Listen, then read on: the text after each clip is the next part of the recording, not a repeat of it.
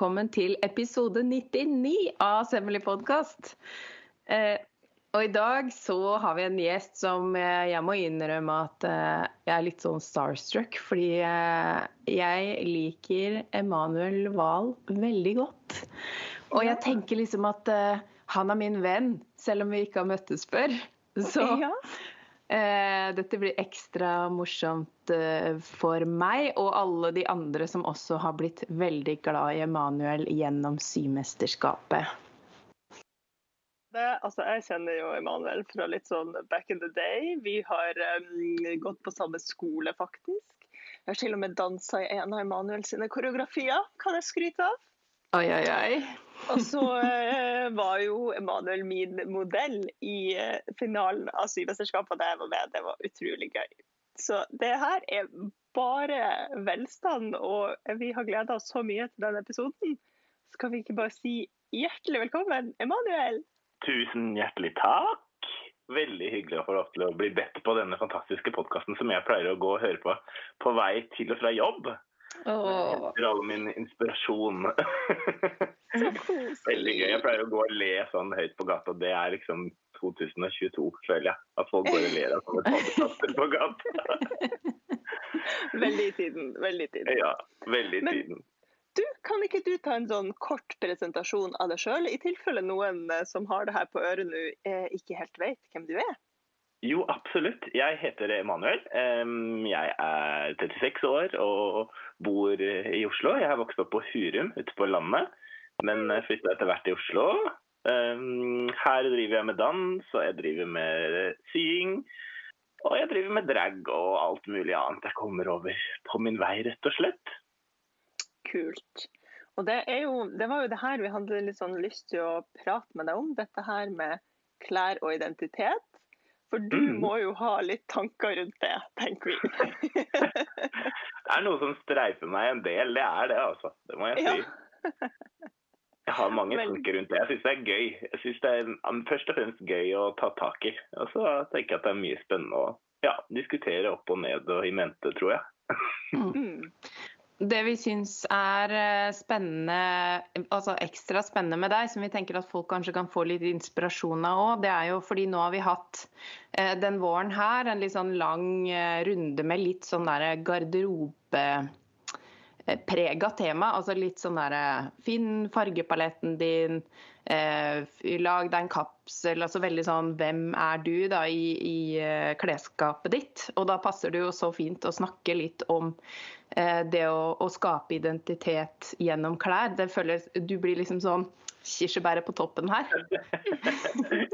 Jeg synes det er veldig morsomt. Jeg opplever jo absolutt klær som noe man kan kle seg opp og ned og rundt med. At det kan brukes til så masse. og Det, synes jeg, det er det som jeg kanskje syns er det aller, aller mest spennende med plagg også, da, som du sier. At man kan, man kan finne sin palett og man kan finne sin på en måte identitet. Men det er også ganske spennende å teste hva som skjer hvis du tar på deg noe som egentlig ikke er typisk deg. Da, og hva som skjer med deg som person, f.eks. Eller hva som skjer med deg eh, fra perspektivet de som ser på deg og opplever det. Det syns jeg er veldig gøy, da. Mm. Ja, men Så for du, du har jo også begynt å sy. og Er det her sånn direkte knytta til denne interessen din for klær? at på en måte, altså Jeg skjønner at det kanskje er direkte knytta til det at du driver med drag, men er det også litt sånn at for å få uttrykt deg maks, så føler du at du må liksom sy de plaggene du ser for deg? For det er jo ikke alt man får tak i bare på butikkhylla, liksom. Det er et veldig godt spørsmål, faktisk. Jeg er litt usikker på når jeg begynte å sy, fordi jeg er sånn steinerbarn, som jeg kaller meg. Sånn, sånn fri, fri fugl.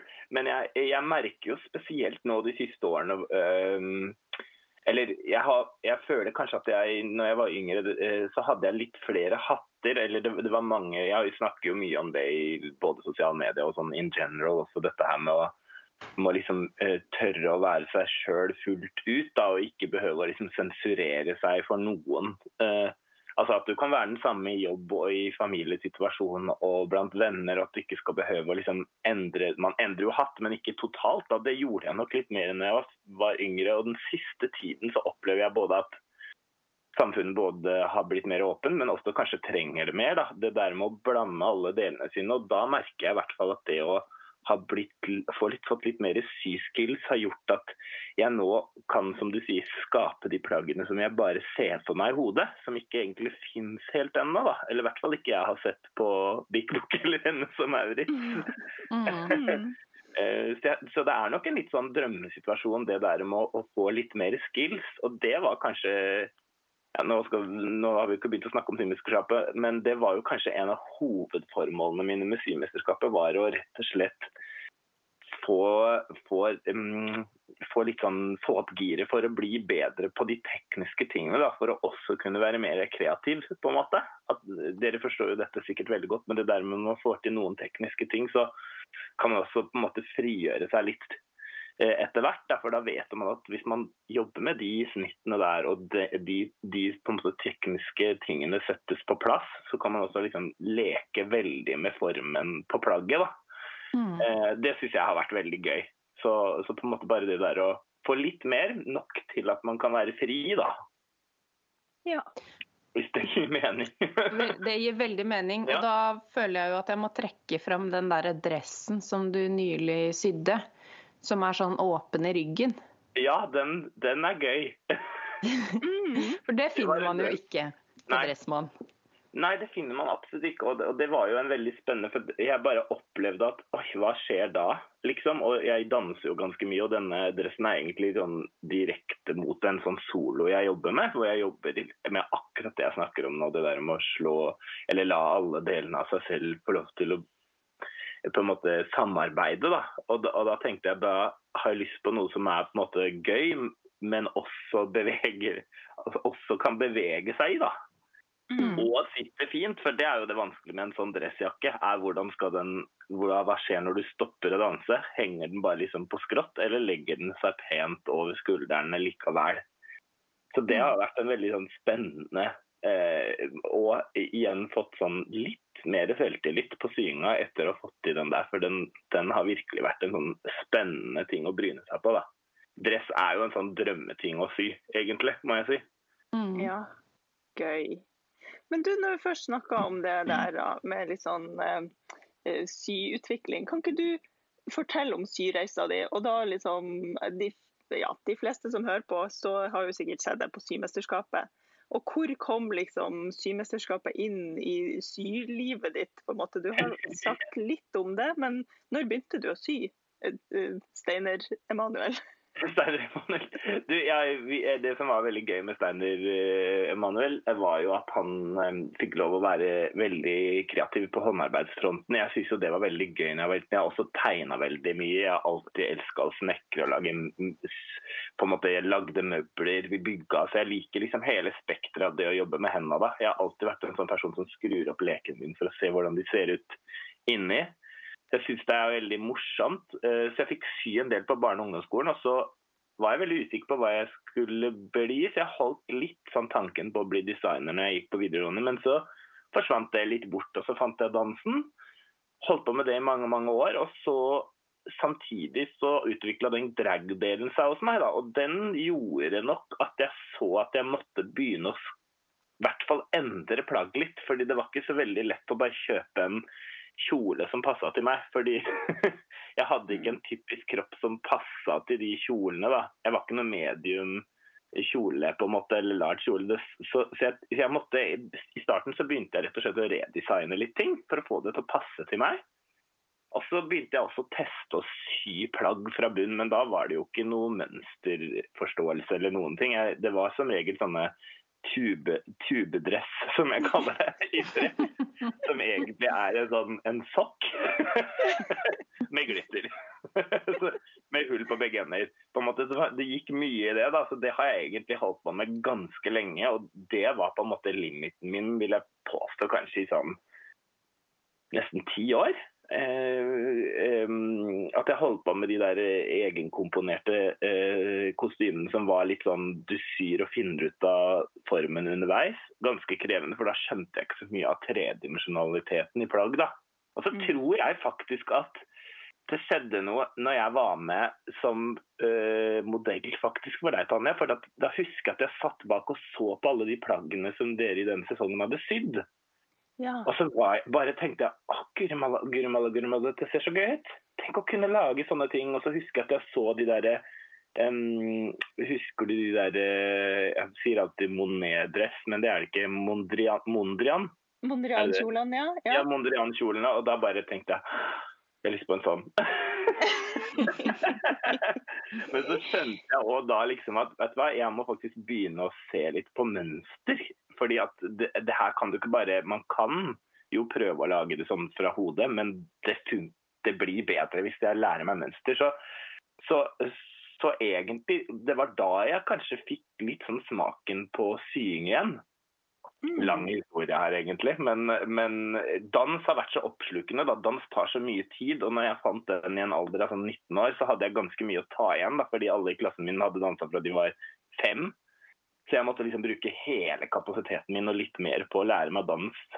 Egentlig, i de årene der, Da ble ikke sying så veldig stor del av meg.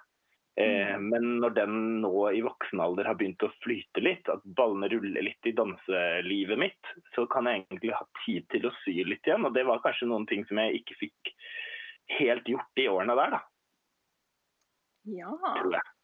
Jeg vet ikke om det var et svar? jo, det, det, gir veldig eh, mening også. Og du nevnte jo så vidt her at du Det var først da du begynte med drag at du liksom skjønte at du måtte sy en del. Ja. Eh, og da blir jo neste spørsmål hvordan kom du egentlig inn i det?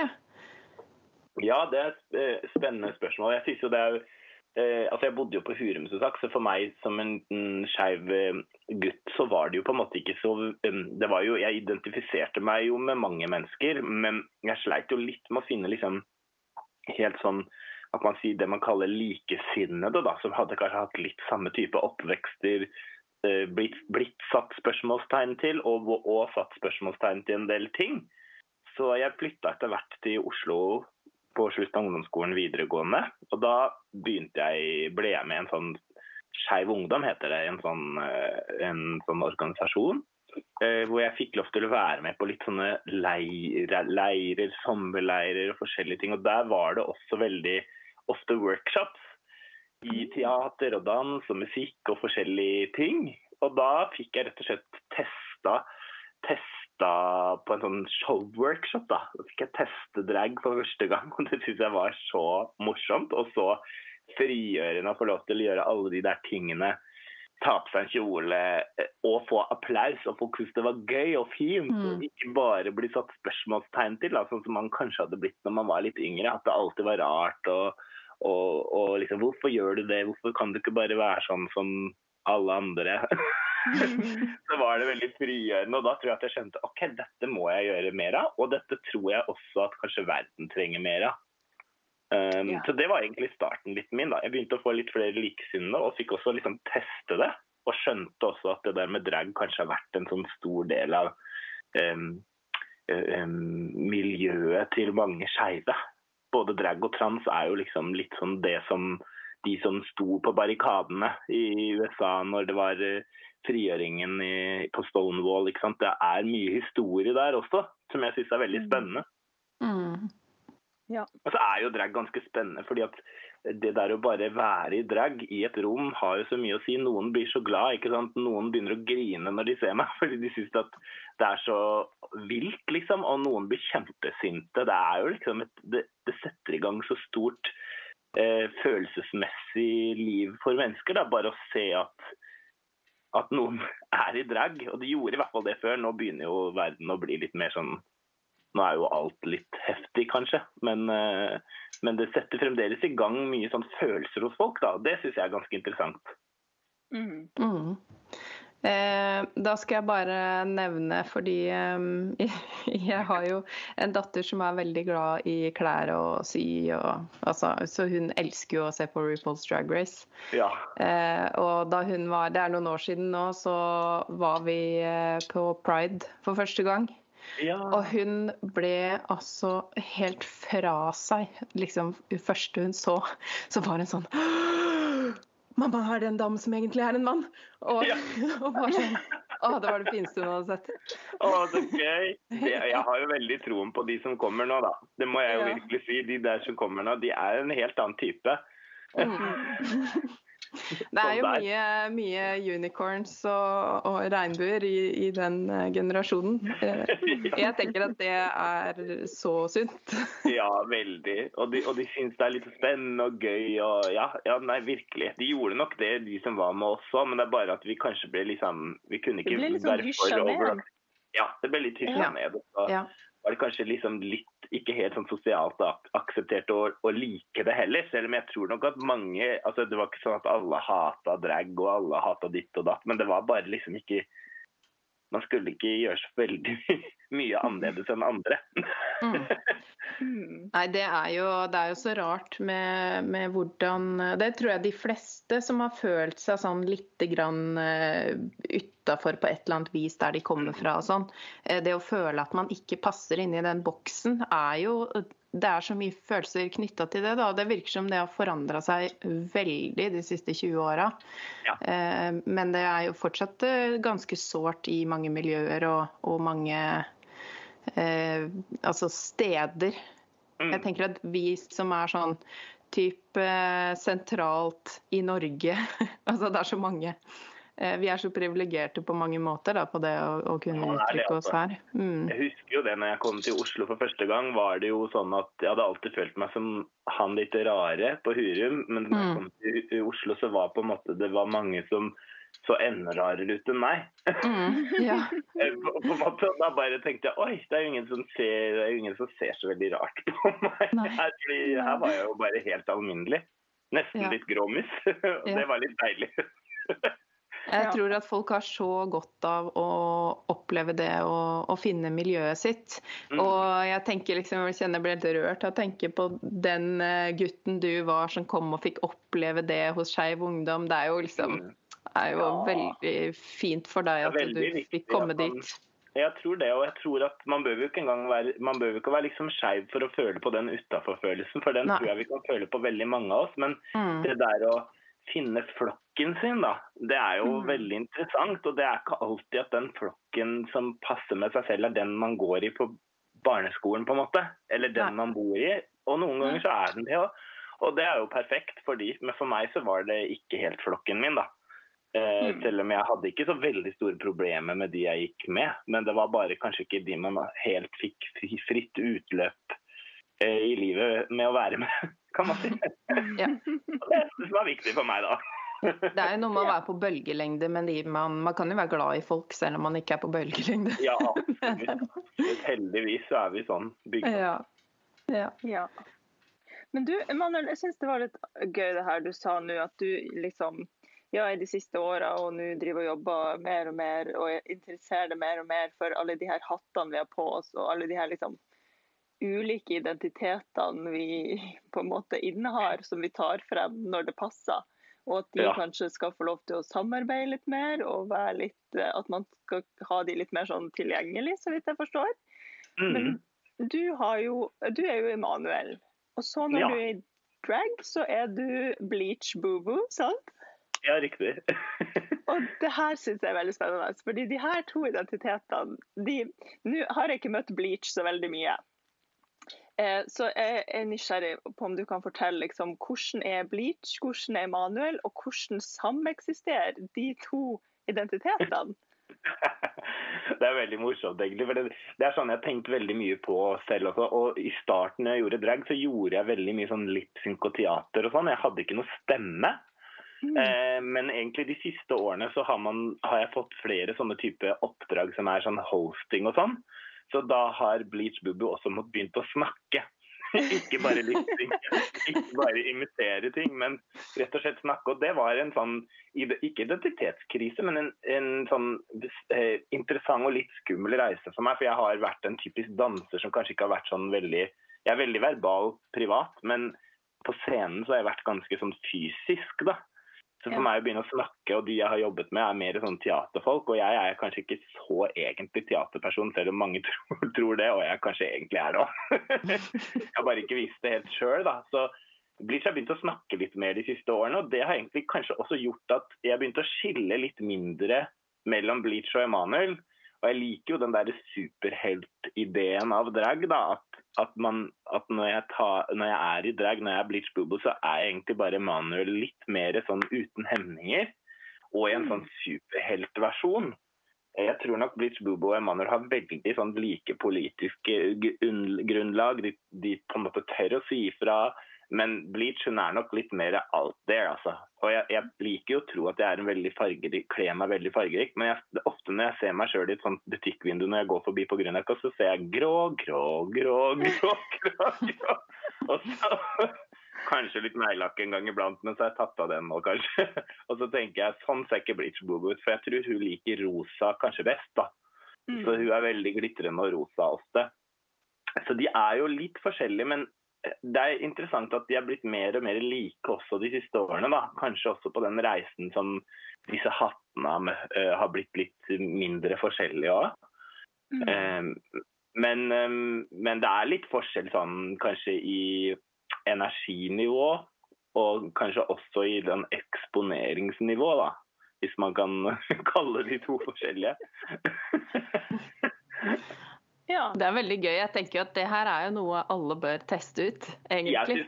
Eh, og teste ut en sånn superheltutgave av seg selv, eller en, en, type som er litt mer sånn out there enn seg selv.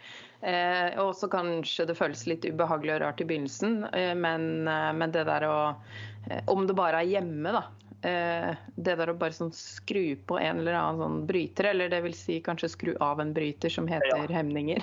ja, det er akkurat det. Jeg har ja. troen på det. Altså, jeg ser det jo også. Jeg, det er mange som er sånn Hvorfor skal halloween være så stor ting i Norge? Det er ikke, det er ikke norsk tradisjon. Nei, det er helt sant. Men å kle seg ut, det tror jeg vi nordmenn har litt godt av. For vi er jo ganske ja. sånn eh, Mange av oss er jo på en måte født inn i noe veldig sånn grågrått mm. av sånn uttrykk. da. Vi er jo veldig sånn eh, snille og greie og sånn, men vi er òg ganske sånn Vi kler oss ikke så mye ut. Så det der å ha en sjanse til å faktisk ta på oss det og om det er, Jeg ser jo det på halloween òg, at veldig mange kler seg jo ikke skummelt lenger. Bare fordi at de har egentlig bare behov for å liksom ta på seg noe. Ta på seg en maske og leke litt med det. Og det, jeg tror at spesielt voksne, men også barn, så ikke må glemme den leken. da som mm. er med på å påvirke oss som mennesker. Eh, så jeg, Den leken med å, med å, ta på masker og ta på uh, forskjellige ikke, ikke, identiteter, kanskje, men ja, masker er en fin sånn uh, betegnelse. syns jeg tror jeg folk kan ha veldig godt av. da, Litt oftere. Lage, det, mm. lage sånn der, du vet, sånn 70-tallsparty når, man har, mm. når man har bursdag og sånn. Det er kjempegøy. Og nesten presse seg litt til å kle seg ut selv om man ikke har lyst til det. Ja. Jeg har drevet med det i vennegjengen min og vært sånn Nei, nå har jeg bursdag, så da skal det være utkledning. Ja, ja, ja. Folk eh, har jo vært, og spesielt mannen min, bare sånn Åh, må jeg kle meg Eh, ja. på de som ikke kommer kledd ut. ja, Det er jo litt, syns jo jeg har vært veldig deilig med å få barn, for da er det alltid noen som er med på den greia. ja, ja, ja, ja.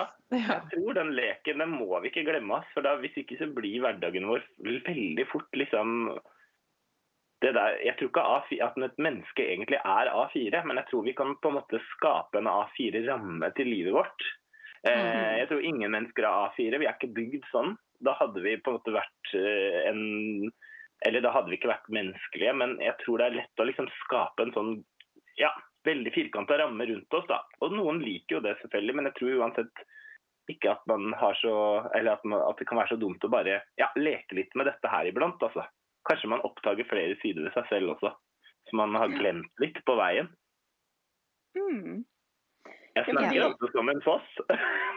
Nei, det er derfor vi har invitert deg. Å ja. Det stemmer. Ja, det må du huske på. Det hadde vært veldig kjedelig hvis vi måtte dra det ut av deg. Ja, dra det ut av ja. ja, men um, da har jeg et sånt oppfølgingsspørsmål. For det her en ja. um, transformasjon, da, det er jo en, en ganske ja, ja, ganske stor transformasjon fra Emanuel mm. til Bleach. Eh, og, så, og det, for meg så er det jo liksom Det er det spennende. Den transformasjonsbiten, liksom. Når du, mm. På en måte tar den reisen fra nå er Emanuel, og så går du gjennom alle de her eh, ritualene på en måte, og sminke og hår og, og klær og sånn, og så blir du bleach. Og da, i, i, min, i mitt eh, hva skal man si, stille sinn så tenker jeg at det er liksom en sånn magisk reise. da. At, det går, ja, at man liksom eh, på en eller annen måte transcenderer over i noe, i noe litt annerledes. Mm. Eh, og i den hvor viktig fordi Nå deler jeg det veldig sånn generaliserende opp i liksom sminke og hår og klær. Og hvor viktig er klesbiten, da? Altså Når vi først har en sypod her. Hvor, hvor, hvor viktig er de ulike delene for deg, og hvor havner klær på den skalaen? Det er veldig spennende, for når du sier det nå, så merker jeg hvor stor egentlig den transformasjonen er. Jeg sa jo da at det ikke er så stor forskjell sånn in general, men det skjer jo noe når jeg sitter der. For det første så skjer det noe når jeg begynner å sminke meg, fra jeg starter på null, som jeg kaller på en måte et Jeg pleier ikke å ha skjegg jeg, så ofte når jeg øh, gjør drag. Så jeg tar av skjegget og har liksom et blankt tabula rasa, da. Blank lerret begynner å sminke meg, så kan jeg nesten merke at stemmen min og, og liksom måten jeg snakker på, kan endre seg. Men når det da kommer til neste steg, som er da å begynne å transformere liksom resten av kroppen med kostymer og med liksom former, som jeg syns er veldig gøy, da skjer det noe med hele fysikaliteten min, på en måte. Mm. Så, at, uh, det, uh, så, jeg vil si at det der med klær Det skjer kanskje noe med måten jeg er på, Eh, når, med, gjennom sminke, altså måten jeg snakker på eh, når jeg sminker meg, men det Unnskyld. Det kroppslige forandrer seg veldig med klærne, da. Hvis det gir mening. I hvert fall sånn som jeg, Hvis jeg klarer å skille det opp nå, så tror jeg det derre eh, Og det er kanskje noe med danseren i meg. også, det skjer noe når jeg f.eks. ta på meg et korsett, da, eller når jeg tar på meg høye hæler, så må du på en måte forholde deg til balansen din på en annen måte enn når du går på joggesko, ikke sant? Eller når du mm. tar på et veldig stort hår eller tung, en, et tungt kostyme, så må du på en måte te deg på en annen måte. Hvis ikke så, så, så, er det ikke så veldig lett å komme seg noe sted. Da blir man liksom stående fast. Mm. Så det skjer ganske mye når man får på klær, og det, og det, skjer en endring fra hvilken type klær man tar på seg også, da. Ja. Ofte i dag så er det jo ganske sånne ekstreme uttrykk, men forskjellen på f.eks. For å ha en buksedrakt til en stram kjole f.eks., eller en, en, flagrende stor eh, eh, kjole eller kåpe. Det skjer ganske mye forskjeller der òg, syns jeg. Sånn kroppslig, hvis det gir mm. mening. Mm. Og Det er det jeg kanskje syns er gøy med dette med klær. da. Nå, nå, har jeg jo begynt å sy masse klær til meg sjøl til hverdags, og det var jo kanskje noe jeg ikke hadde så mye selvtillit på egentlig før symesterskapet. Det var da jeg først begynte å liksom sy hverdagsklær, da kaller jeg det. Jeg vil ikke kalle det vanlige klær, jeg vil kalle det hverdagsklær. Men, eh, men, eh, men, eh, men det der drag-aspektet, da ofte så, så, drar jeg det ganske langt. Fordi jeg syns det er så spennende å se hvor langt man kan dra det, og hvor mye det kan påvirke. da. Mm. Så det var nok et kanskje litt langt svar Eh, men, men det skjer, en, skjer, mye, vil jeg si, når man får mm. på de klærne. Ja. Det er veldig spennende. Og jeg lurer på bare sånn lite kjapt oppfølgingsspørsmål. Kunne mm. Bleach eh, hatt på seg flate sko i det hele tatt? Jeg har prøvd det noen ganger, fordi det er noen ganger jeg finner ut at jeg skal gjøre veldig sånn dansete ting, og da mm. Det funker ikke bra. Eh, det funker ikke bra. Jeg kan ha på meg en sånn fin, fin kjole og sminke og hår, og så, så har jeg de joggeskoa, og da bare det skjer noe med hele Nei, akkurat blitt Boobo for meg funker ikke det. Og det er bare min type drag. Noen har jo bare flate sko når de dragger, Men for meg så har på en måte det blitt et sånn ekstra løft, da, bokstavelig mm. talt. Mm. Ja. å få de skoene. Jeg syns det er gøy, og det var kanskje noe av det som jeg ikke fikk lov til når jeg var liten. ikke sant? Det, er, det ligger litt sånne ting i, i det òg. At, jeg, at mm. dragen min er fremdeles litt en opprør mot min barndom, kan du si. Eh, jeg er fremdeles liksom litt sint for at jeg ble tatt fra de tingene jeg egentlig hadde lyst til å gjøre, hvis det, hvis det gir en mening. Det er liksom politikken i det, selv om ikke jeg så veldig ofte snakker om det. da. Mm. Så, så, så, så, gjør jeg det ennå. Uh, og det er litt morsomt da, og litt fint, egentlig, å eie den situasjonen litt. Ja. Mm. For meg er kanskje høye hæler en sånn type ting. da, Akkurat det med hæler. At det skal være liksom begrensa eh, så mye. Ja. Det er litt gøy, for jeg hadde det sånn på skolen da jeg utdanna meg til å bli klesdesigner. Jeg var så trassig fordi alle skulle ha de der høye hælene på alle visninger. Så da gikk jeg og kjøpte for store herresko på bruktbutikken. Fantastisk! Jeg elsker det. Jeg ble så, jeg ble så irritert da, at det liksom bare skulle være sånn hælfokus hele tiden. Ja, ja, ja. Men eh, jeg endte jo opp i hæler til slutt uh, sjøl også, og modellene mine gjorde jo det til slutt, de òg. Men folk fikk jo helt sjokk på avgangsvisningen når både jeg og modellene hadde hæler. For hadde jeg vært sånn sinna feminist i tre år. ja, det er jo akkurat det, og det, det, blir jo egentlig det samme, bare vridd om. Og så er det ja. selvfølgelig noe politikk i det der med herresko versus uh, typiske kvinnesko også. ikke sant? Det er en politikk der det er mange, mange, mange år, års historie med feminisme. ikke sant? Det er masse viktige ting og aspekter i det. Og det er akkurat det som du sier, da. At man kan ta et plagg og Det kan skje så mye. Bare, mm. bare noen sko, liksom. Mm. Mm. Kan ha så mye å si. Ja, jeg har sett også noen ganger sånn Alexander McQueen-ting og sånn, så plutselig så kommer de liksom med brød på føttene, liksom. Eller sånn.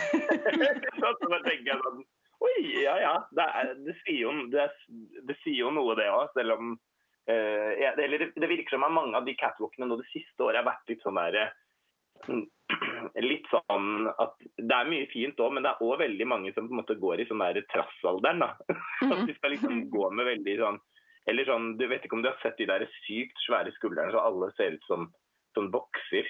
Som er veldig mm. sånn inn og en periode, og veldig mye sånn rare ting på beina. Sånn. Jeg synes det er, det er sikkert liksom en politikk i det òg for de som driver med det. ikke sant? Fordi vi er jo et utfallet av hele reisen vår. Da. Fra vi er små, fra alt vi har opplevd, fra alt vi har sett. Og, og liksom og, Ja, på veien til der vi er i dag. Mm. Tenker jeg. ja, det, altså, det, er jo det som er så innmari gøy med, med klær. At jeg tror det er lett å tenke at det er noe overfladisk, men det er jo egentlig ikke det. Det er jo et mm. uttrykk for hvem man er. Ja. Um, og apropos det, du er jo på mange måter kontrastenes mann. Fra crispe skjorter til paljettdrømmer.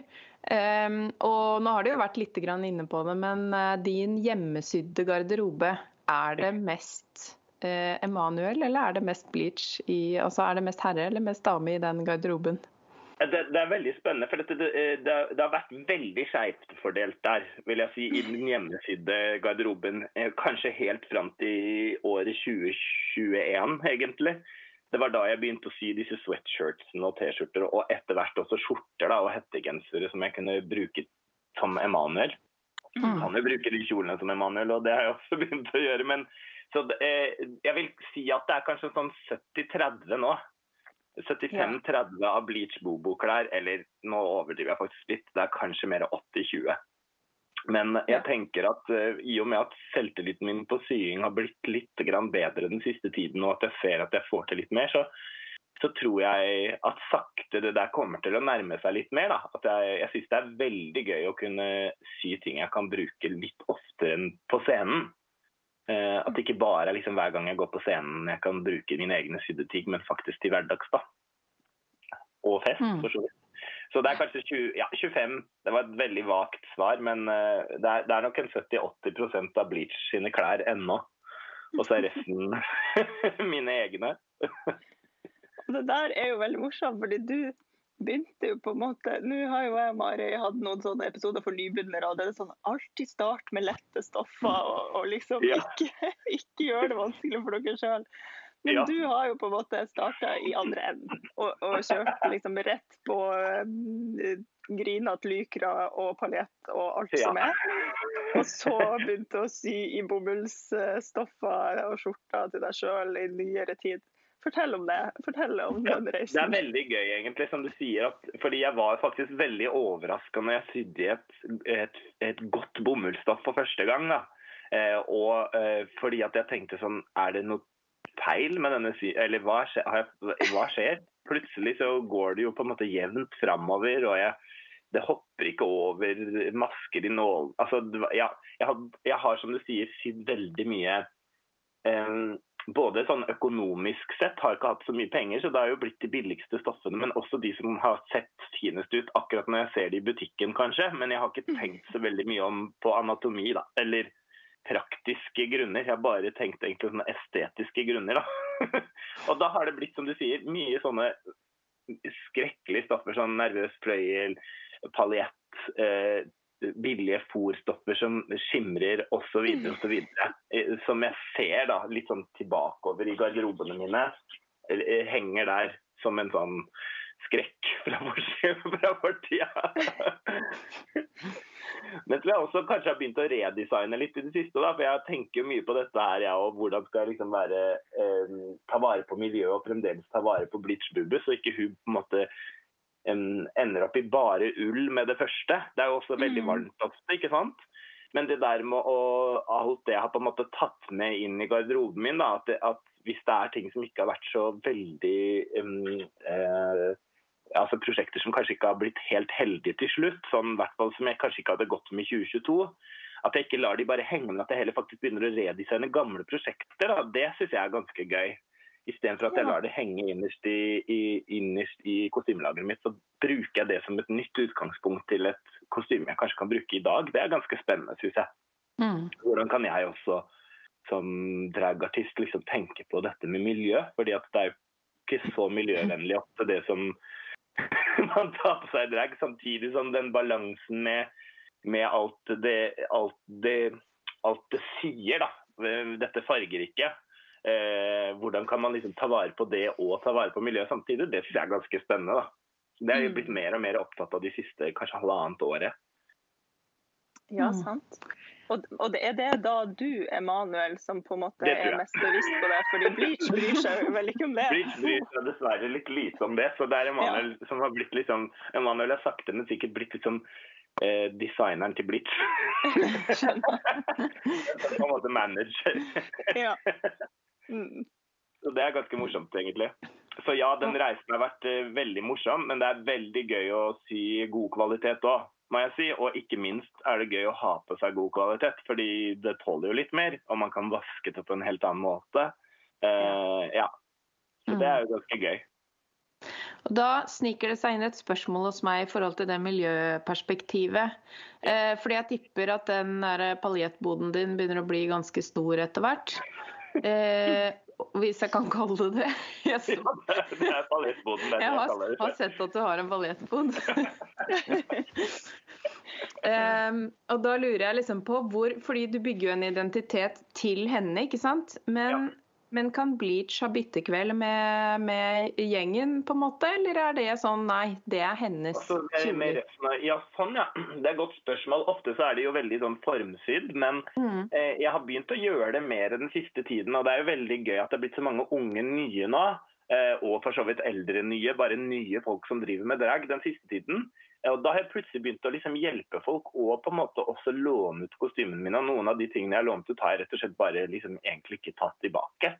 Fordi jeg mm. tenkt at jeg bruker det jo ikke så ofte uansett, så da kan jo heller andre folk få det. Så jeg, jeg tenker at det er en veldig smart eh, vei videre. da, Samtidig som, som, jeg er jo litt stolt av at jeg er en av de dragpersonene i Norge som syr ting sjøl. Enn så lenge, fordi det er ikke så mange som på en måte har Det er veldig mange som er veldig gode til å sminke seg opplever jeg. Ja. Jeg har aldri vært den som har vært sterkest på sminke, men, men kostyme har jo på en måte blitt en del av identiteten min som performer. da. Eh, så, så, så, det er en sånn balanse der, kjenner jeg, hvor man på en måte vil være raus og åpen, men samtidig ikke miste for mye av sin egen mm. identitet. Da. Det der med å liksom vite at ja, blir det flere som er gode til å sy, så vil det også påvirke meg på en god måte. da, Finne den balansen at det betyr ikke alltid at det blir mindre plass hvis det blir flere som gjør det, men heller at man blir flere og, og gjør det sammen, da, hvis det gir mening. Og mm. flere som kan dele, ikke sant, sånn som det er litt i syverden nå, at det er veldig mange som syr. Eh, eh, men hvordan kan man liksom finne en sånn leve, bærekraftig måte å drive på det med. da. Både med liksom hobbysyerne og de profesjonelle side by side. Og i drag så er det jo ikke sånn at man utdanner seg til å bli dragartist, selv om man nå kan ta 15 studiepoeng på høyskolen i drag, men man blir jo ikke på en måte drag eh, Man blir jo ikke en dragartist bare fordi man har tatt 15 studiepoeng i drag. Drag er jo på en måte noe man kommer seg inn i på en måte etter hvert. Det er jo litt sånn Mm. det er, Mm. det er jo litt sånn undergrunn ennå, da, på mange måter. Mens tekstilbransjen er jo noe helt annet. Det vet jo dere mye om, hvordan man på en måte jobber som, med dette profesjonelt. da. Så det er en sånn spennende balanse, uh, syns jeg. Men den byttekvelden tror jeg er veldig fint etter hvert da, å tenke på. Hvordan Mm. vi liksom sammen som miljø som driver med kostymer, kan liksom bli litt flinkere til å få de kostymene som er langt inne i skapet, ut. Så at de ikke bare Mm. står der og støver ned. da. Fordi det, Jeg vet ikke om det er ja, hvis vi kaster det, eller at det bare er der i tolv år, og så kaster vi det om tolv år. på en måte, Jeg vet ikke hva som er best av det. Skal vi bare oppbevare søpla vår, eller skal vi faktisk få liksom søpla vår til å bli, bli gull igjen? da? Mm. Det tror jeg vi kan få til med en sånn byttekveld. Jeg er sikker på at mange av de kostymene som jeg ikke går med, er det helt sikkert andre som ville gått med. Det tror jeg jo. Og så, ja, det jeg var litt nysgjerrig på, var siden det på en måte er en del av Bleach eh, sin identitet, er det liksom sånn at man faktisk låner, eller er det sånn nei, den hadde Bleach på seg på det arrangementet, og da hadde hun liksom den Da var det greia hennes. Ja, Ja. ja det, det, Nei, jeg er ikke helt sånn, faktisk. Det, jeg synes det, jeg blir ganske stolt. Jeg blir mest stolt hvis noen vil gå med mine ting. Enn så Ja. lenge, da, så, så blir jeg stolt av det, da.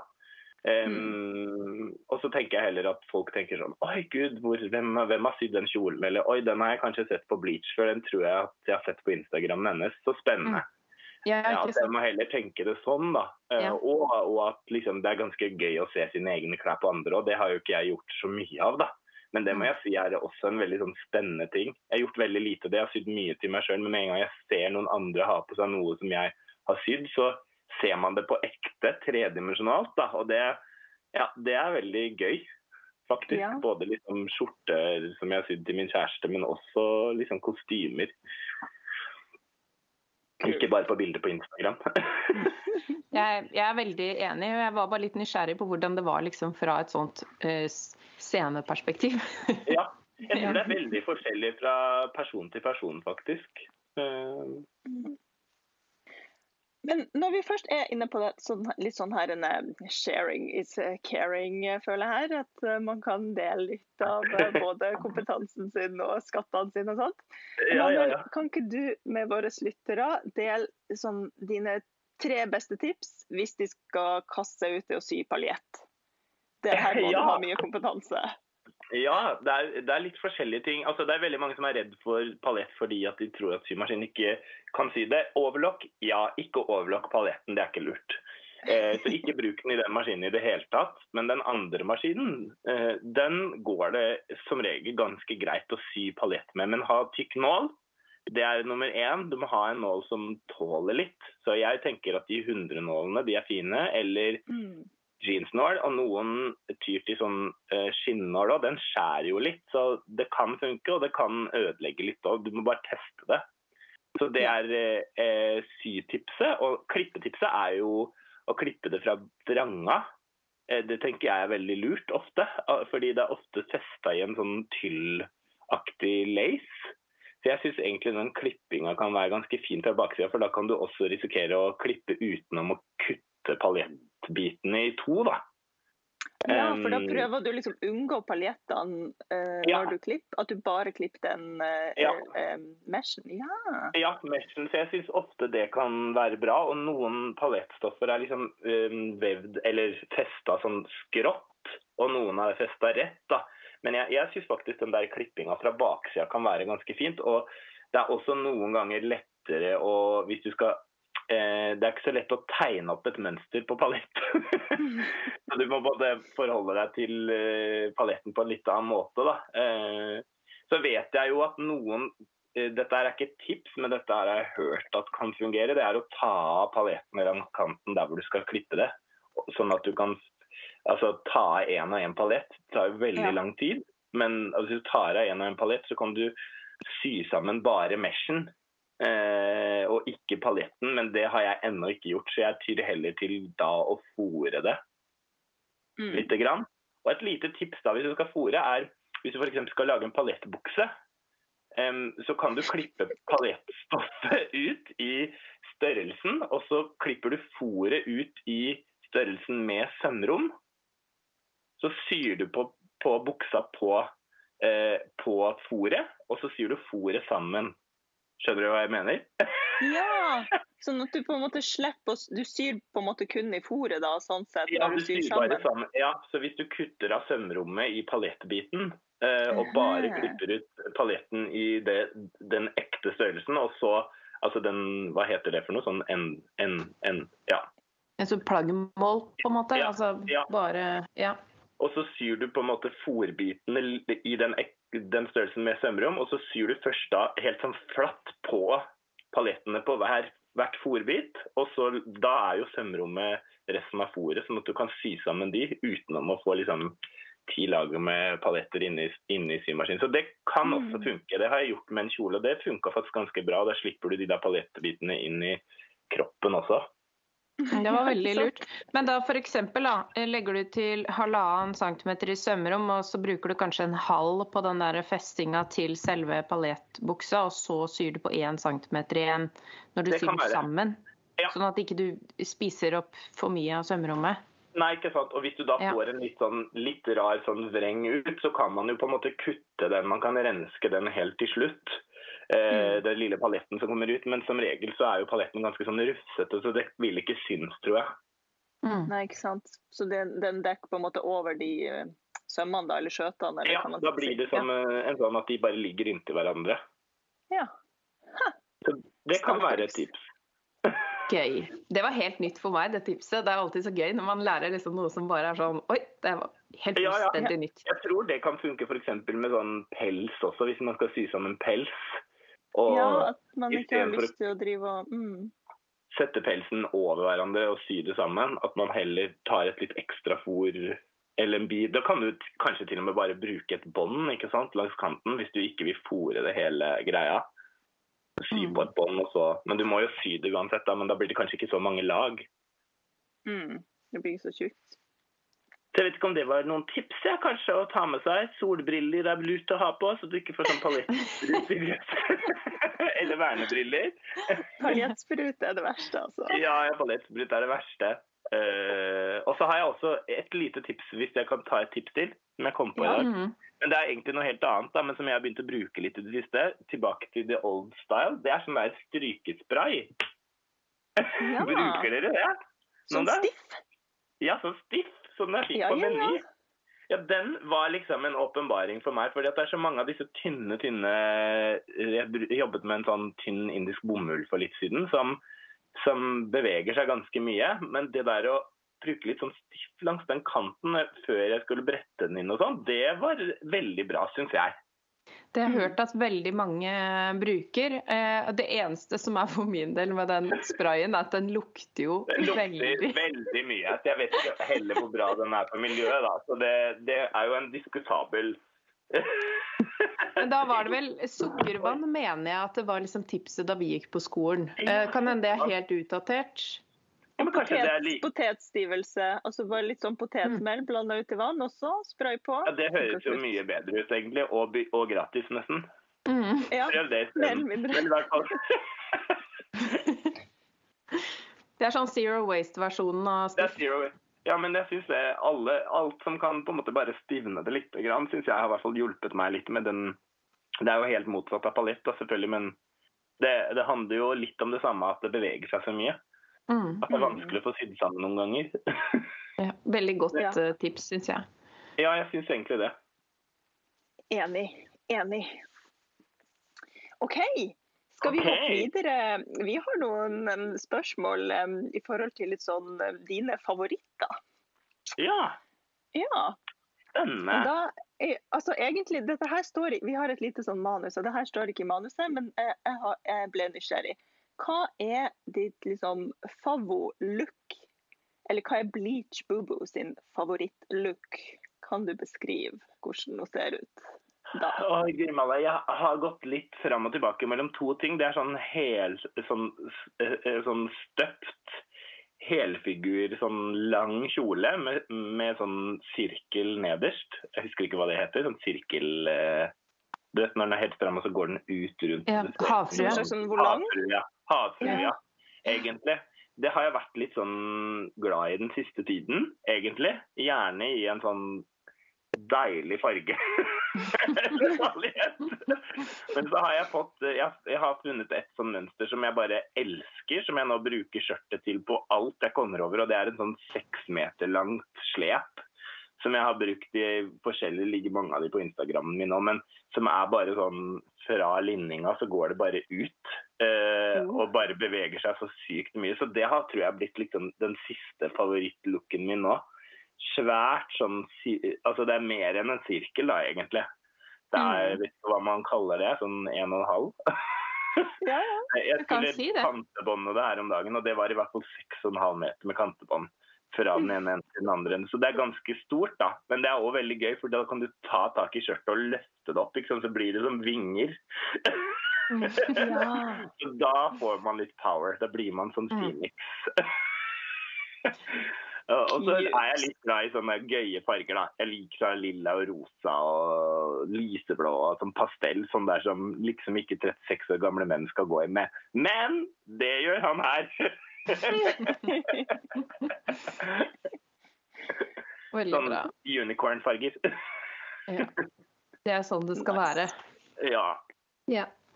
Eh, og når vi først er inne på da litt sånn favoritt, eh, så vil vi jo spørre deg om favoritt herremønster og favoritt damemønster. Det blir jo en litt mer glidende overgang hvis du tar ja. damemønster først, da. ja, ja, ja, absolutt. Eh, jeg må jo si at akkurat den Nå har jeg ikke det mønsteret foran meg, men jeg, eh, eh, jeg kan sende det på etterpå akkurat hva det heter. Men det er faktisk den, det mønsteret her med den lange skjørtet. Det har blitt liksom favoritten min. Fordi det er en slags sånn skjorte skjortekjole. Eh, obviously, fordi jeg har blitt så glad i skjorte i det siste. Men det er en sånn slags skjortekjole med et, eh, med, med et sånt uh, litt sånn tykt belte, som også er med i mønsteret. Og så er det dette svære slepet som jeg på en måte egentlig har bare lagd enda større. da. Det liker jeg mm. veldig godt, og det syns jeg er veldig flatterende på meg, fordi jeg ofte går med høye hæler. da, men Eh, så får man på en måte Den er litt kortere foran og veldig lang bak, så man får liksom litt bein.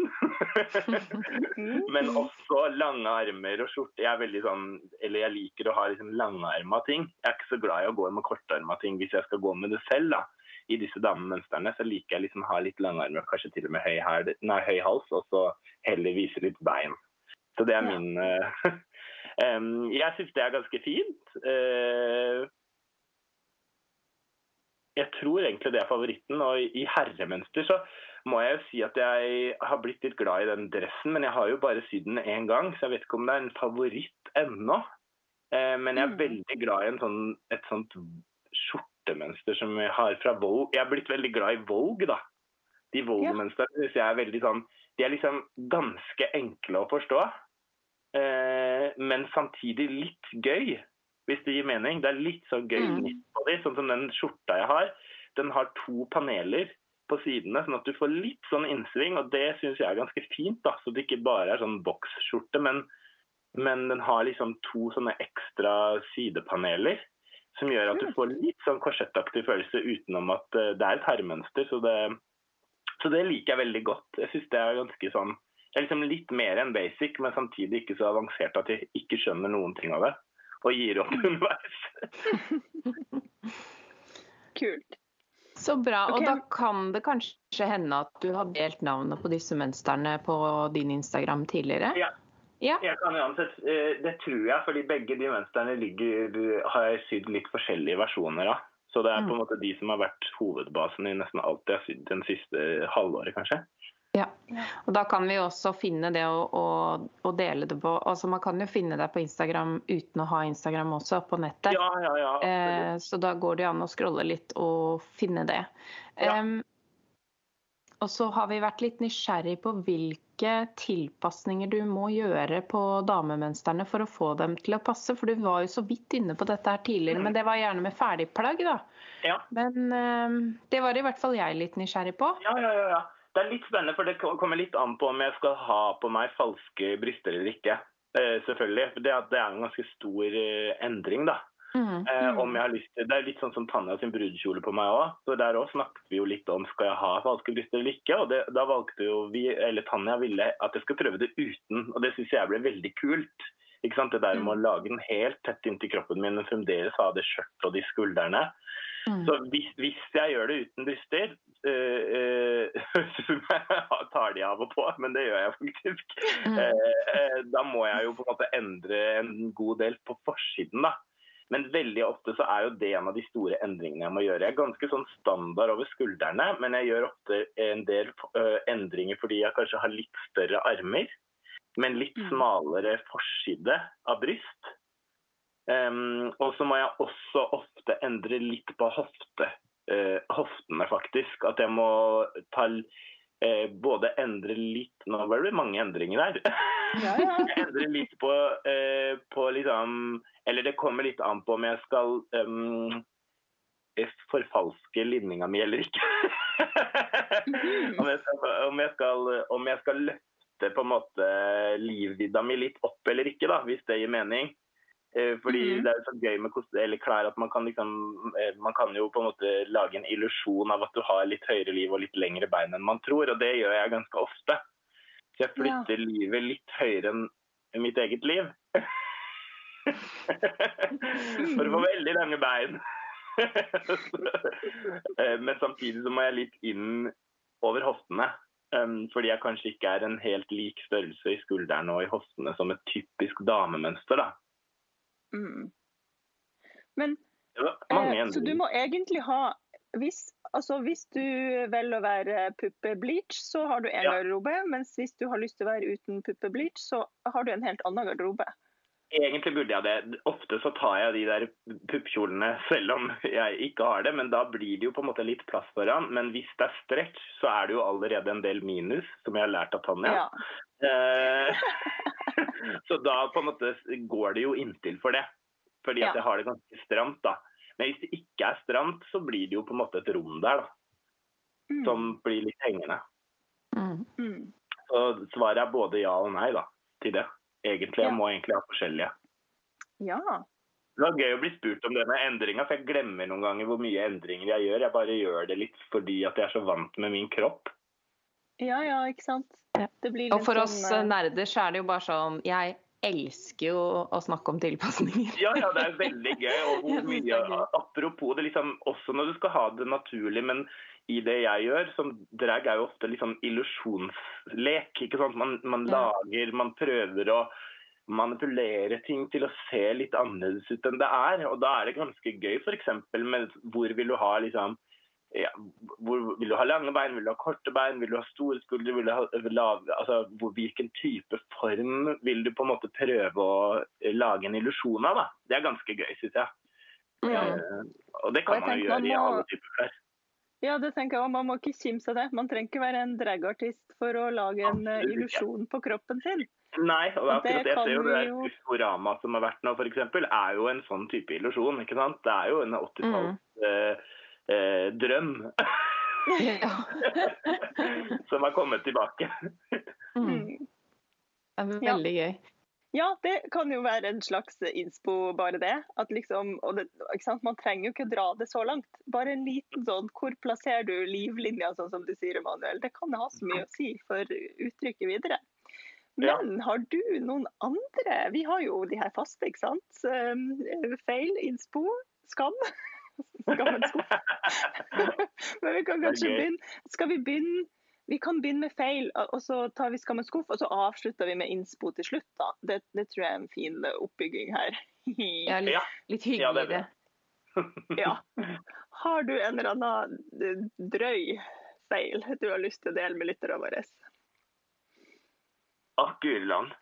Vet du, Jeg gjør så mye rart, så at, eh, og særlig i drag så blir man litt sånn oi, oi, oi. Man bare spiller på alle feilene man gjør. ikke sant? Jeg har jo knekt sko på scenen og sånn, det har jeg jo gjort. Men, eh, men, men sånn, jeg sliter faktisk med å komme på noen skikkelig bra sånn feil jeg har gjort. Jeg, vil, jeg, jeg har heller liksom tipp, tips for ting du ikke bør gjøre når du syr, da.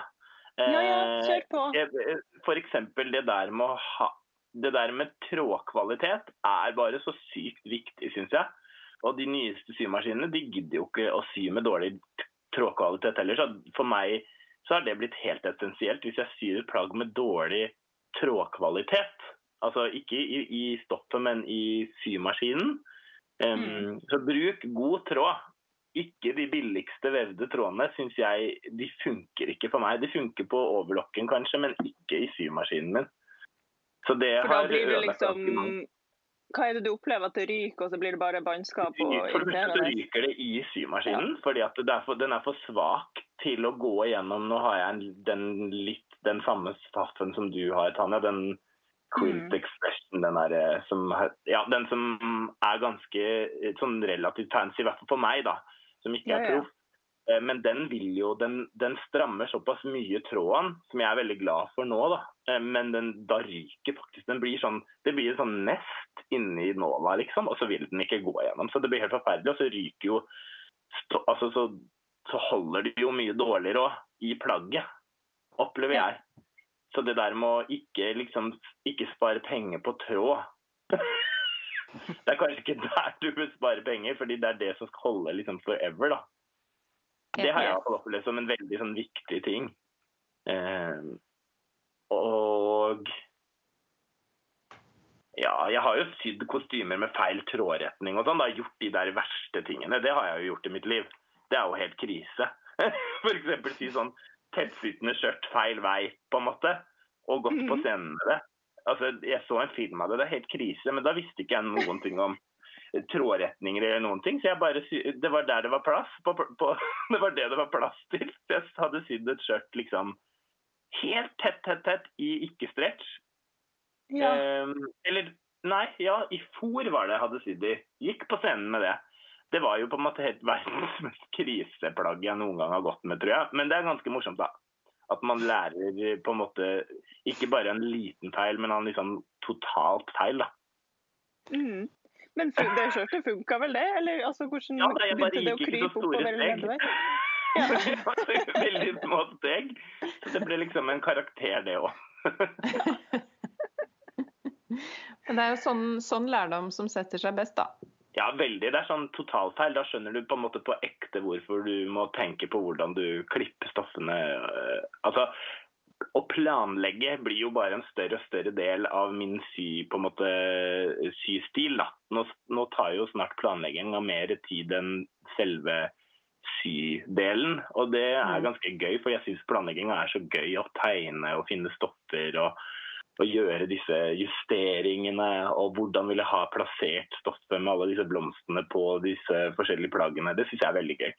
Nå går jeg mm. nesten over i den andre sida, da. Det er det tredje spørsmålet. Fin utvikling. Ja, egentlig. Ja, så lurer jeg på da, er du klar for å åpne Skammens skuff? Skammens skuff. Den, det er liksom et fantastisk eh, eh sånn visuelt eh, sted i livet, føler jeg. Skammens skuff. For meg så er den mye mer enn en skuff. på alle plan. Men jeg tenker, ja, det er nok det. Den, det jeg syns det er fint å liksom ha med seg, og det sånn visuelt lokke det igjen iblant òg. Det tror jeg man må. Mm. Eh, jeg har noen skammeskuffer, ja. Jeg, jeg har for eksempel Altså, jeg, jeg sydde en ganske fin, fin denimskjorte. Jeg syns ikke det er veldig skammelig, men den er nesten ubrukelig. Fordi at jeg hadde Altså, den Jeg hadde ikke vaska dette nye denimstoffet på forhånd. Å oh, nei. Og så hadde jeg masse sånne fine blomstrede detaljer inni slissen og inni kragen i et sånt hvitt blomstrete stoff. Eh, eh, jeg skammer meg på en måte ikke sånn veldig sånn for offentligheten. for jeg tror Hvis jeg hadde tatt på meg den skjorta, så hadde ikke folk tenkt så mye på det. Men jeg skammer meg over min egen lack of um, Eller min egen sånn uh, utålmodighet, da. Mm. Eh, så Det var den gangen jeg virkelig lærte meg dette her med at er, hvis du kjøper et helt nytt sånn denimstoff f.eks., så er det så mye farge i det. Eh, I hvert fall i blå. Eh, mm. At det, ja, det, da begynner man å forstå hvordan den denimproduksjonen egentlig er. Altså hvor mye farge og vasking det egentlig er i disse jeansstoffene. Mm. Så, så, ikke akkurat helt sånn skammelig sånn for offentligheten, men for meg selv eh, vil jeg kalle det en av de kjipeste prosjektene, kanskje. Mm. Uh, ja, men jeg har den ennå, så jeg lurer liksom på hvordan jeg skal gjøre det. Kanskje jeg skal ta ut de bitene og skifte de, eller hvis jeg For det som har skjedd, er rett og slett at jeansen har farga av på de fine, blomstrete delene inni ja. der? Ja. Så de ser ikke på en måte bare litt kule ut, de ser forferdelig stygge ut. Så nydelig blomstrete stoff, liksom. Ja. Det, det var en sånn fin glidende overgang fra feil til skammens skuff, uh, syns jeg. Og jeg tror det er garantert mange som sitter der og har sydd seg jeans og vært på et eller annet arrangement med blå hender fordi at eh, man ikke har vaska. Og Det er jo også sånn veldig fort gjort. Stå med hendene i lomma og så bare sånn Oi, hva har skjedd? Ja, Hva har skjedd, ja? Jeg tror Ja. ikke jeg hadde sydd i jeansstoff sånn annet enn redesign av gamle jeans før den. Det var første gang jeg kjøpte på en måte to meter med jeans, da. Eller den Mm. jeansstoff. Ja. Så det, Ja. da lærte jeg det. ja. Og det gjelder jo ofte mange stoffer, da. Ja. Men særlig det stoffet der. Ja. Ja. Ja, det er, Der er jo Tanja og jeg faktisk litt eh, sånn delte. For jeg vasker eh, alltid stoffer, med mindre det er ull og silke. Eller noe sånn annet spesielt, da. Um, mens eh, Tanja vet jeg at ikke alltid gjør det. ja, jeg er litt rakker. Gjør det bare hvis jeg må. Ja. Ja, Men jeansen, da? Hadde du Jeansen vask, eh, den hadde vaska. Eller Ja. det kommer litt an på. Hvis det hadde vært liksom en, eh, en bukse eller en jeansjakke eller noe ja, uten sånne andre detaljer som det kunne ha farga på, hvis dere skjønner, så tror jeg Mm. kanskje ikke at jeg hadde gjort det før liksom, jeansen var på plass, og så tatt og vaska jeansen, liksom. Men syr du den litt større da, eller? Hvis det trekker Ja. seg sammen? Ja. Jeg prøver, Eller å ta ut, det? jeg prøver å ta ut krympen altså Jeg forbehandler jo alle stoffene, men ikke med vask. Jeg tar ut krympen med damp og liksom Ja, ikke sant? Ja. Og noen ganger sprayer jeg de med vann og kjører de inn sånn eh, For du syns Ja, sånn egentlig mye av den krympen går bort når du damper det litt, egentlig? Det, kommer veldig an på fra stoff til stoff. Så det, Ja. noen stoffer må jeg jo selvfølgelig vaske for å få ut liksom alt og overflødig Ja. farge og alt sånt her. Men, eh, men ja, nei. Noe, Ja, det det kommer an på, ikke sant. Skal det være en helt eh, en helt eh, sånn løssittende jakke, jeansjakke, da, så, så tenker jeg at det er nok å ta ut krympen. Og så Mm. kommer man jo ikke til å vaske den så ofte. Eller jeg er jo Nei. sånn som ikke vasker klærne mine for ofte. så Nei, ikke Ja. sant? er mange vurderinger i det bildet. når jeg Jeg synes skal det er vurdere kjempespennende å høre begge versjoner, ja, for, fordi at jeg tror begge funker på hver sin måte. mm. Ja. Altså, jeg har ikke tålmodighet til å stå og ta, ta ut krympen med damp. Nei, jeg kan sende meg litt igjen i det, så jeg tror det er derfor det har blitt litt sånn vaske rett i vask. Ja, Kaste det inn, gå og gjøre noe helt annet. Ja. Henge opp den vaska. Det er nok for meg å bare huske å henge opp den vaska, og så ha liksom Og så kan jeg være tålmodig. Ja, ikke sant? Mm. Hmm. Ja, men ja. Hvert, hvert vårt. Ja. Absolutt. Men da kan vi jo avslutte på, hyggelig, på det hyggeligste. Innspo, Emanuel. Har du noe hyggelig innspo til våre kjære lyttere? Jeg vet du, hva, jeg må si Denne håndsyinga må jeg bare si at det må man bare lære seg til å bli glad i. fordi at det har løfta så mange ting for meg. da, Både liksom håndsying på plagget, men også sånn Jeg hørte jo den episoden dere snakket om hvor, hvor Mari snakket om det der å håndsy sånn paljetter over et teltstoff. Husker du det? Hvis du skulle sy en sånn paljettkjole en gang, så, så tenkte jeg for det sånn sitter jeg i den der dressen som jeg har sydd, skal jeg jo håndsy steiner på over hele.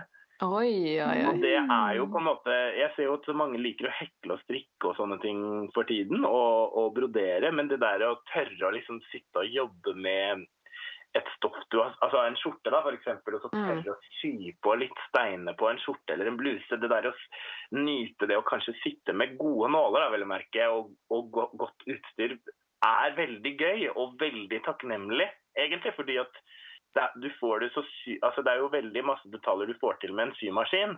Men, men den der, det der med å kunne forme og endre og få plagget til å ligge akkurat sånn som du vil, og det samme kan du da gjøre med steiner eller sånne ting hvis du skal sy på det når du syr det for hånd, den, det er ikke mulig å få til med en symaskin, eh, Mm. tenker jeg.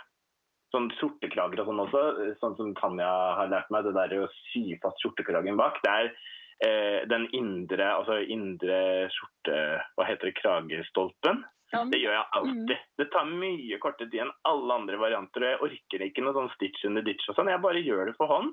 Det er, det er bare å sette seg ned i en TV-serie, og så er du ferdig på 20 minutter maks, liksom. Ja. Eh, så jeg syns det er veldig inspirerende å, å bare ta den håndsyinga tilbake. Og kjenne at det òg er håndarbeid du driver med, da. Må jeg Mm. si. Vet ikke om det er en slags innspo. Det er en Er det? fin innspo. Deilig innspo, spør du meg. Ja. Helt Og fint å upartisk. på paljett òg, for det er ikke alltid du orker å prøve å lage noe form med den paljetten. Da får du like så godt bare gjøre det for hånd. mm, Ja. Men hvis noen vil dykke litt grann inn i dette her drag-universet mens de sitter med håndsøm, da. Mm. Bare for å liksom kombinere litt her. Eh, hva ville du ha satt på da, hvis du skulle sett på et eller annet som ga liksom litt innspo til den verden? Det er jo kommet ganske mye gøy man kan se på etter hvert. Det er jo det. Det er jo noen fine filmer. Jeg tenker sånn der Priscilla, Queen of the Desert, som er en sånn australsk film som kom på 90-tallet. Den er kjempefin, syns jeg. Eh, det er en film. Eller Tu Wong Fu det er også en film som er på en måte litt lik som Priscilla, bare på den amerikanske versjonen. De to er litt sånn klassiske dragfilmer. da. Det som er gøy med Mm. Tu Wong Fu, er at det er Wesley Snipes eh, som spiller drag, og, og- og Patrick Swayze. Eh, så det er veldig eh, kjente skuespillere. Da. Jeg syns Mm. det er veldig fine filmer også fra en svunnen tid. da. Så syns jeg selvfølgelig RuPaul's Drag Race er gøy. Det kan være litt ambisiøst å gå løs på noen ganger. Em, eh, fordi det er så stort og mye om dagen. Jeg har ikke helt oppdatert meg sjøl. Eh, men det er ganske masse fine filmer å ta tak i. Og så er jo sånn Pose og sånn, den serien Pose, det er jo ikke bare drag, da, men det handler jo litt om dette miljøet og hvordan på en måte disse såkalte safe spaces, da, som vi snakket litt om i starten, det der med å finne et trygt sted med sin, sin flokk, på en måte, hvor man kan være seg sjøl, eh, som vi alle kan kjenne oss igjen i. Det kan være ganske inspirerende å sitte og se på. Så er det jo veldig fargerikt og gøy, da. Så man kan bli inspirert til å bare Oi, kanskje jeg kan tenke litt mer rød løper på mine hverdagsantrekk likevel. Eller i hvert fall festantrekk enn det man gjør fra før. Mm. Rett og slett. Ja, gode steder å starte. Ja. Tu Wong Det- det- Fu, det, det har jeg notert meg her nå. Det Ja. jeg Wong Fu, ja, er veldig søt, syns jeg, og fin. Ja. Og da handler det alltid om litt sånn seriøsitet i bunnen, da. Med liksom å finne sin plass i verden og Mm. ja, de skal jeg også sjekke ut. Jeg har ikke sett noen av de to filmene, så det, Nei, det de er veldig, og Priscilla Queen of the Desert den vant jo masse for beste kostymer og sånn. Det året. Mm. For den har sånn, det er en sånn sinnssykt episk episode hvor de skal kjøre gjennom ørkenen fordi de skal på, være med på en sånn, gjøre et sånt show ute i et eller annet sånn ørkenlandskap. Og da sitter han ene oppå en sånn stol oppå en buss med sånn 50 meter langs glitrende slep og kjører gjennom ørkenen. Og jeg bare Ah, Is this for real? Når jeg så det når jeg var 16 år, så tenkte jeg sånn Dette er himmelen. Ja. Gjennom ørkenen med det glitterslepet. Ja. Så det er noen morsomme sånn Og når de går på De skal gå på fjellet i drag, liksom. Så de går på sånn Mm. fjelltur i full sånn drag og høye. Det er kjempemorsomt. ja, det høres helt, ja, helt nydelig ut. Ja.